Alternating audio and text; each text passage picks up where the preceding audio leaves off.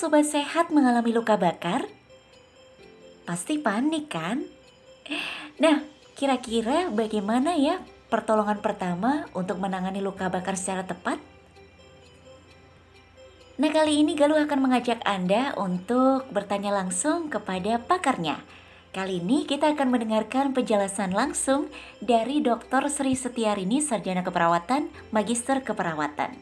Yuk kita simak kalau kita mungkin di rumah yang kecil-kecil itu yang cuma hanya lagi masak kemudian kena minyak karena saya sering itu hampir setiap minggu kena minyak gitu. Pengalaman pribadi ya. pengalaman ya. itu kalau ibu-ibu ya kalau terus naik motor ya kena knalpot. Yang kita lakukan pertama kali adalah cari air. Guyur dengan air.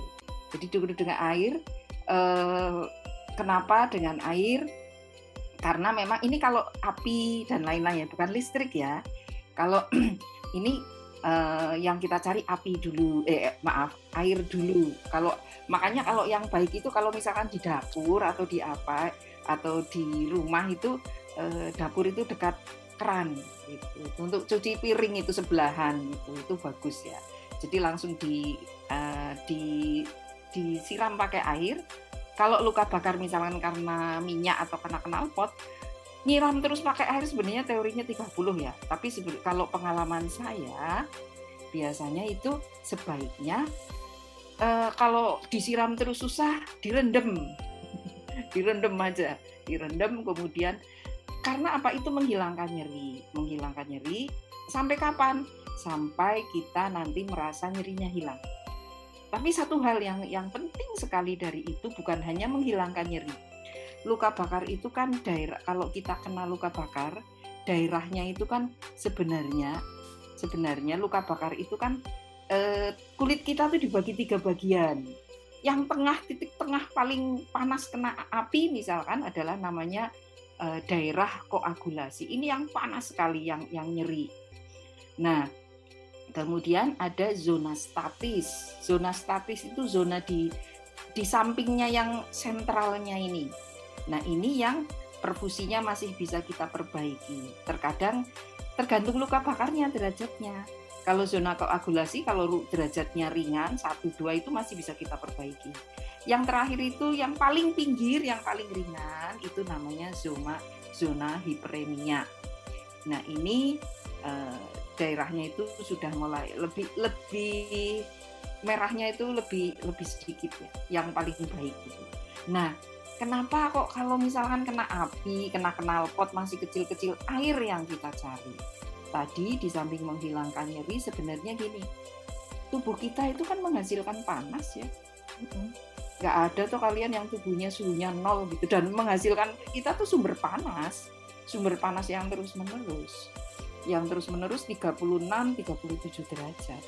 Sementara untuk mendinginkan biasanya dibutuhkan antara 25, 26, 27, 28 segitu. Jadi suhu air biasa. Bahkan kalau saya kalau misalkan agak luas, kan lama itu. Kalau mau hilang betul nanti cepat membaik kan itu agak lama merendam atau mengguyurnya. Kalau banyak ya meredam gitu. Itu boleh dikasih uh, es sedikit aja intinya suhunya itu nyaman buat kulit kita indikatornya nyaman buat kulit kita. Tapi jangan anget. Anget itu nambah panas. Kita sedang mengurangi suhu karena kita kena panas tapi tubuh kita juga nambah panas. Terus-terusan memproduksi panas. Sehingga eh, prinsip utama luka bakar itu yang kecil-kecil itu kan jangan menambah luas luka bakar. Nah, air ini dipakai untuk tidak menambah luas luka bakar dan mengurangi tadi daerah-daerah yang daerah yang iskemik sama hiperemia ini bisa dikurangi apa bisa diperbaiki sirkulasinya. Jadi itu berapa lama kalau indikator saya lamanya itu sampai nyeri hilang. Itu kalau yang kecil-kecil. Nah bagaimana kalau yang besar? Misalkan anda melihat di depan jalan anda ada orang eh, apa namanya tabrakan, kemudian motornya atau motornya jatuh, kena atau taksi gitu yang paling sering saya dulu waktu di uh, Sarjito itu. Mungkin uh, bensin orang jualan bensin di pinggir itu loh. Dilalah ada yang nakal set untuk ngerokok nyembar. Udah itu besar. Atau listrik. Kalau seperti ini eh, kita menggunakannya in prinsip yang gawat darurat utama. Danger clear gitu. danger clear kalau orang kalau kita belajar untuk teman-teman ya. Jadi bahayanya dihilangkan dulu gitu. Danger clear. Jadi jangan kita menolong tapi malah kita ikut jadi korban. Jadi korban. Oke, misalkan ada orang kena listrik tersengat listrik kita malah pegang badannya ya malah jadi kesetrum. Gitu. Nah caranya apa? Danger clearnya ya dengan cara dimatikan sumber listrik. Gitu itu. Lah kalau yang bensin tadi ya harus bagaimana caranya tidak tidak danger lagi? Apakah itu disiram dulu tempat lokasinya dengan air kalau memang masih memungkinkan air atau bagaimana? Atau dengan uh, apa kain yang dibasahi begitu? Kemudian itu danger clear dulu kalau kalau di tengah jalan ada yang nyetop dulu biar mobil-mobil ini tidak tidak saling berseliweran. Danger clear itu nomor satu. Kemudian memang kalau ada orang ya kita bisa call for help minta tolong. Minta tolong. Nah kalau kalau sudah Nah, kita tergantung nanti. Jadi eh, minta tolong untuk dicarikan apa namanya ya fasilitas biar dibawa ke rumah sakit. Itu penting sekali. Hmm, begitu ya Bu Rini. Jadi tergantung jenis lukanya, luka yang ringan atau luka berat begitu ya. Lalu nih Bu, mau tanya, kira-kira ada nggak sih penggolongan atau macam-macam luka tersebut?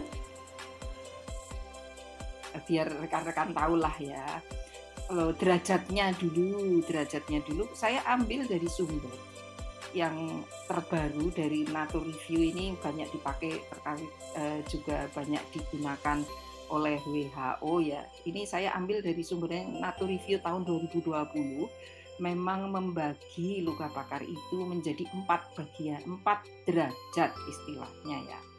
Derajat yang paling ringan, yang superficial, ini yang kena kalau kita yang kena kena kulit ari saja. Itu derajat satu. Ada yang ini yang masih pakai uh, saya ambil yang review terbaru ya. Kemudian ada yang pakai derajat dua. Jadi ini dua dua itu dibagi dua. Dua A dan dua B. Kemudian ada yang derajat tiga. Yang jadi kalau derajat satu itu hanya kena kulit ari eh kulit ari ini yang derajat 2A ini dibaginya di 2A 2B karena apa? Kedalamannya. Kalau yang kulit ari dan epidermis ini derajat 2A. Tapi kalau sudah sampai kulit itu sendiri, dermis kan namanya dermis itu derajat 2B. Kalau yang eh, full thickness atau derajat 3 ini itu lebih dalam lagi, di dermis tapi lebih dalam lagi kalau yang derajat 4 ini yang sudah sampai ke jaringan uh, lemak dan jaringan uh, otot dan mungkin sampai tulang. Itu yang kalau pembagiannya menurut uh, apa saya ambil dari reviewnya Natur dan tahun 2020 dan ini juga banyak dipakai oleh para ahli di dunia. Nah, tapi kalau saya ambil dari peraturan Permenkes ini ada ya. Jadi Permenkes itu ternyata mengeluarkan peraturan nomor eh, HK 0107 tahun 2019 ini juga baru ya. Derajatnya itu dibagi menjadi eh, beberapa jadi tiga kalau di sini ya. Jadi tiga. Jadi yang pertama adalah derajatnya hampir sama derajat satu namanya. Derajat satu ini derajat satu ini uh, apa namanya daerahnya yang terkena masih epidermis. Sama kemudian uh, apa jadi uh, kemudian yang kena superficial ini uh, superficial dermal ini, kemudian ada yang mild dermal, kemudian ada yang deep dermal, ada yang full thickness. Ini cara membaginya. derajat kedalaman luka bakarnya seperti itu kalau dari Permenkesnya ya. Jadi eh, sebenarnya ya hampir sama lah. Intinya, nah intinya kalau yang misalkan yang epidermal yang derajat satu itu loh, itu tuh warnanya tuh masih merah. Kapili refillnya masih ada, sensasinya masih jadi nyeri deh, nyeri.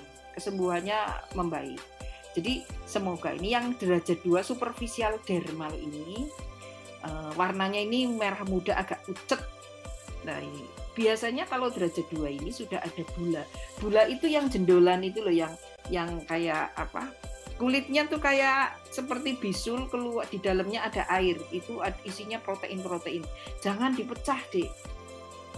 Derajat 2A itu ada bulanya, jangan dipecah kalau ukurannya kurang dari 5 cm. Jadi kalau nggak luas itu jangan biarkan dia reabsorpsi sendiri.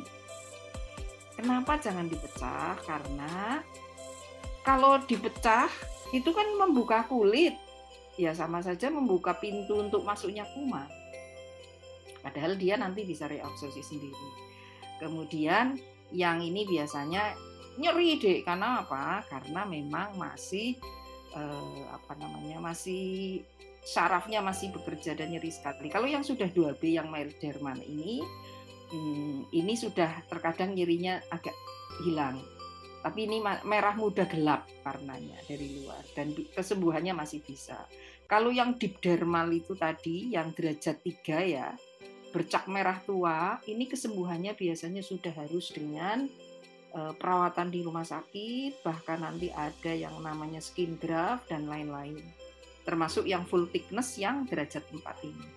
Ini kalau yang derajat 4 udah putih warnanya. Putih-putih itu. Putih.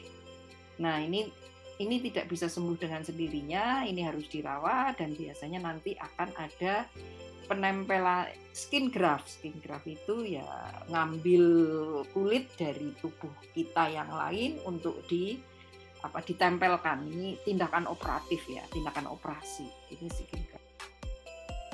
Nah sudah paham kan sobat sehat tapi kira-kira luka kita perlu kita tutup nggak ya dengan menggunakan perban?